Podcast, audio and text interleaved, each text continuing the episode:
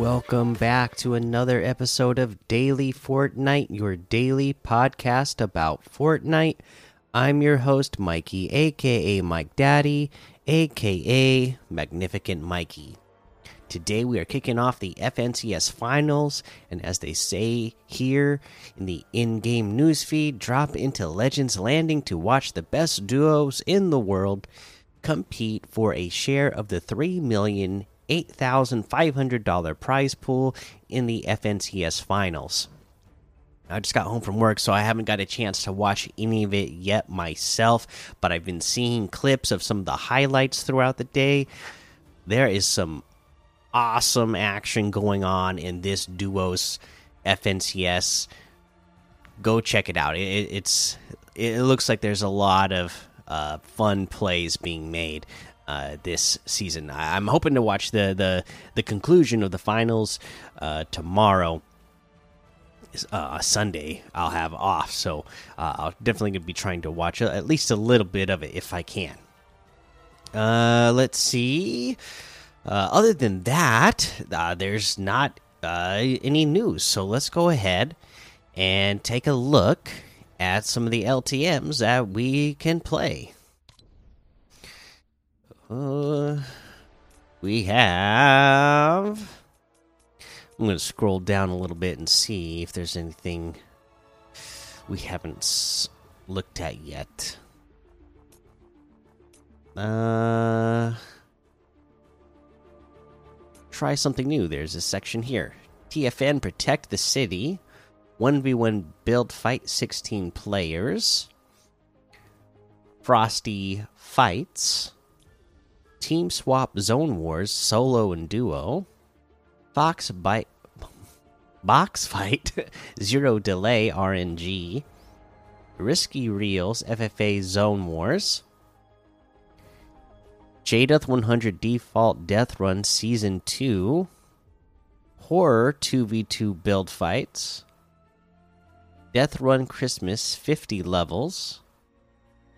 Fire versus Ice Extreme, Lava 1v1 build fight, Bowl Brawl FFA, Box and Wars, Pescal 5.0, Feed Buho, Icebreaker Box Fight, Arctic Rescue Adventure, and of course, there's a whole lot more to be discovered in that Discover tab.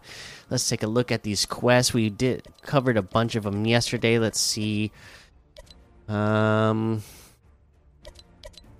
Oh, here's another easy one we didn't cover yesterday. Throw a med kit, bandages, or any shield potion while sliding. You need to do three in total.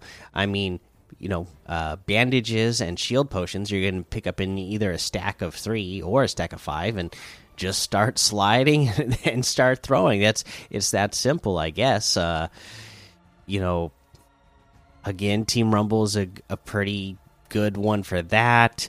Uh, you should be able to find shield and bandages easy in Team Rumble as well. And you know, if you get eliminated before you start uh, doing your sliding and throwing, uh, you know you'll be able to just uh, respawn right back into the match with everything that you had and uh, be able to do it again. Uh, so yeah, there's that challenge. Pretty uh, simple one as well.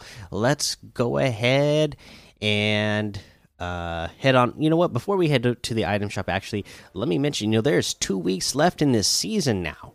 Uh, so if you're like me, I have a lot of season quests that I need to catch up on. I have a ton. You know, I'm right now I'm sitting at level 128.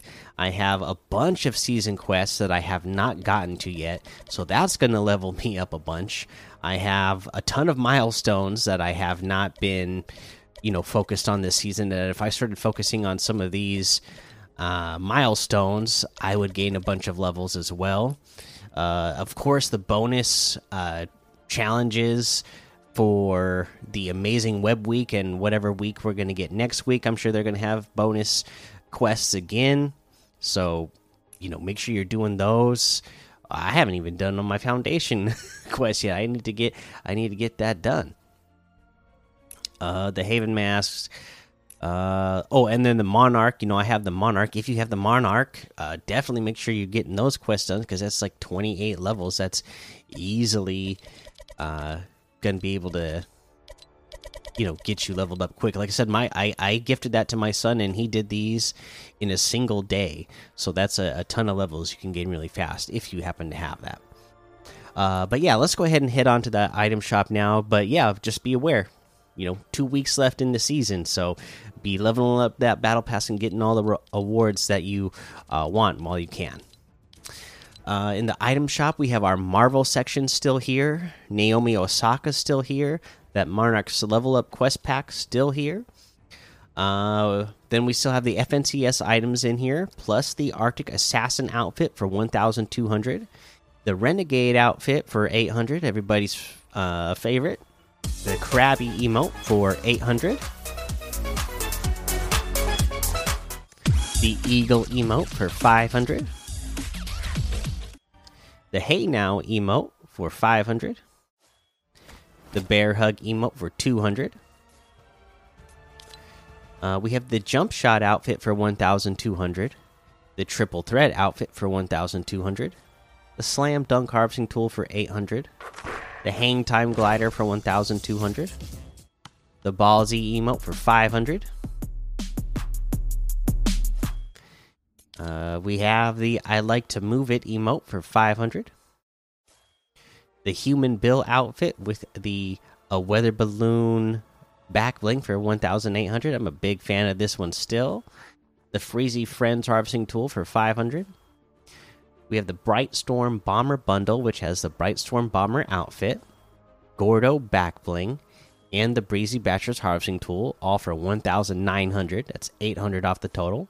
The Brightstorm Bomber outfit with the Gordo back bling itself is 1,500, and the Breezy Bachelor's harvesting tool is 1,200. Uh, we have the No Way Home bundle, which will include the Spider Man No Way Home outfit, Spider Man icon back bling, the MJ No Way Home outfit, the MJ's book bag back bling, the No Way Home run hitter harvesting tool, and the amazing unmasking built in emote. The bundle is 2,300 V bucks. That's 1,500 off the total. And remember, these, yeah, these are the Marvel styles uh, uh, of the of the movie, the No Way Home versions of uh, Spider Man and MJ.